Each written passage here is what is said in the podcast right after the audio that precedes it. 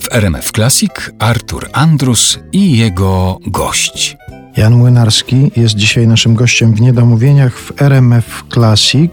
Ustaliliśmy na początku, zresztą to cytat, wzięty perkusista, a teraz porozmawiajmy o innej sferze Twojej działalności. Mówią już o Tobie, że jesteś panem od starej muzyki. Już się spotykasz z takimi Czasami. sformułowaniami? Czasami, no bo ta część mojej pasji po prostu jest y, najbardziej upubliczniony, może, no, Mhm. radio, prawda. A kiedy cię wzięło właśnie na taką muzykę? Bo nie wyobrażam sobie, że grając tam w garażu z kolegami, że ty już słuchałeś przedwojennych piosenek. Nie, to było Kiedy dla mnie w ogóle śmieszne, ale to było. Ja po prostu te piosenki znałem, no z domu głównie. Mhm. Wtedy nie było CD-ków jeszcze. Mieliśmy sporo winyli w domu, ale ojciec y, zgubił gdzieś tą Igłę? tą nakrętkę, całą tą maszynkę, prawda? Mhm. Tak zwany system, jak mówią DJ-e. I koniec. I nie można Ona się znalazła gdzieś pod szafą po latach. Nie można było tych płyt odtwarzać. Ale u nas te, sporo tego było z kaset jednak. I w Mhm. samochodzie z kasety, i w domu z kasety, i w radio, i babcia, i doskonale babcię pamiętam. No to była osoba przedwojenna. No znała multum tych piosenek. Myślę, że o czym się przekonuję nieraz i grając koncerty w Polsce ze starymi piosenkami, czy z maili, które ludzie do mnie piszą. Jednak e, w starym pokoleniu dawnym naszych dziadków, rodziców ten repertuar jest, jest bardzo obecny, bo był w radio, był w filmach, był na płytach, był w domach. Ludzie się uczyli, nuty wychodziły, ludzie się uczyli na pianinie grać. Więc ten materiał był bardzo znany i był. Mimo, że część tego materiału była na przykład w poprzednim systemie skrzętnie ukrywana, no dzięki twojemu tacie, Wojciechowi Młynarskiemu, dowiedzieliśmy się na nowo, kto to był Marian Hemar. Tak, Marian Hemar, pamiętajmy, że ten świat, z którego możemy teraz czerpać, inspirować się nim i poznawać go dzięki kolejnym tym pasjonatom, którzy upubliczniają swoje szelakowe płyty i tak dalej. Tym, co robi jednak radio, zrobiło przez lata, remasterując te nagrania. Pamiętajmy o tym, że Większość tych artystów była w PRL-u nadcenzurowanym. Najpierw został wykopany wielki, wielki rów, wyrwa kulturowa w postaci II wojny światowej, a potem ta tragedia, która polegała na tym, że ci ludzie nie dość, że nie mogli wrócić do Polski, mówię o twórcach, artystach przedwojennych, to byli w zasadzie skazani na infamię w Polsce. Y, Marian Hemar jest y, jedną z wielu takich osób. Jeden z najważniejszych twórców piosenki polskiej XX wieku. Przez wiele lat w Polsce był kompletnie nie... No nie było go po prostu. Starsi- I rzeczywiście to, co powiedziałeś. Ojciec zrobił, dlaczego Hemar piosenki i wiersze, który jak teraz to oglądam, to oczywiście oglądam to z perspektywy czasu i w pewnym sensie jest to dla mnie troszeczkę archaiczne widowisko ale odnoszące się bezpośrednio do warsztatu, do zasad panujących w dawnych teatrach qui pro quo i tak dalej.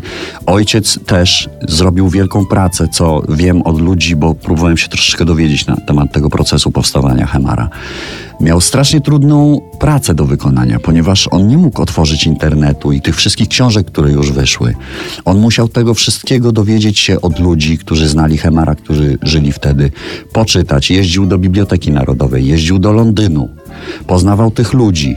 Z teatrzyku Hemara, Włada Majewska, Kropiwnicki, akompaniator, Zofia Terne. On tych ludzi znał i musiał z tego poskładać obraz Hemara, kompetentny, y, nieprzekłamany, jednocześnie swój.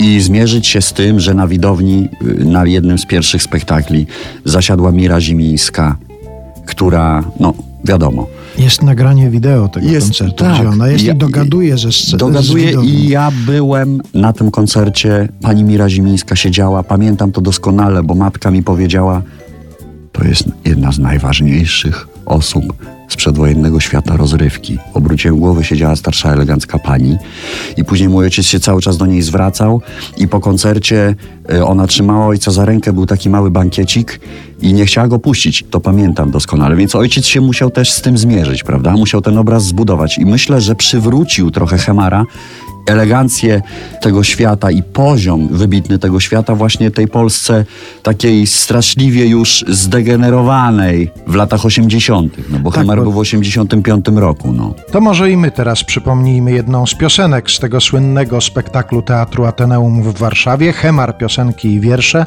śpiewa Wiktor Zborowski.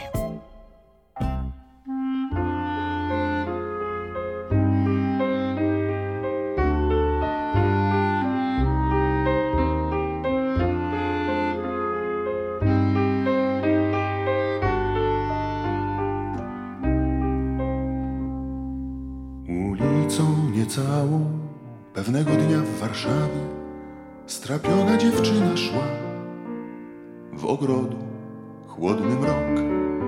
Taka smutna, aż łzy zamąciły jej wzrok. Czy pracę straciła, czy tak jej żal, że nie ma w czym pójść na dzisiejszy bal? Jakie smutki serce gniotą, czy dokuczył jej kto, mniejsza o to. Ach, idzie ulicą ze swą tajemnicą Iłka, Iłka. Ach, idzie ulicą ze swą tajemnicą Iłka, Iłka. I widzę jak idzie, wytężam wzrok w jej stronę i wołam w daleki mrok. Poczekaj, nie płacz, stój. Nawet nie wiesz, jak błahy jest ten smutek twój, nieważne zmartwienia, naiwny płacz. Wszak idziesz ulicą warszawską. Patrz. Świecą okna, stoją domy, tłum znajomy i wieczór znajomy. Czy widzisz, a ona w swój smutek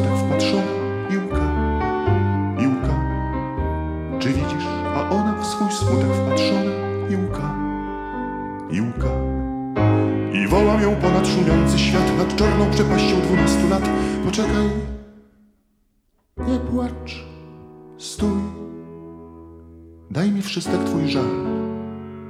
Oddaj mi smutek twój, weź wszystkie radości uchodźczych dni, a tamte warszawskie podaruj mi łzy.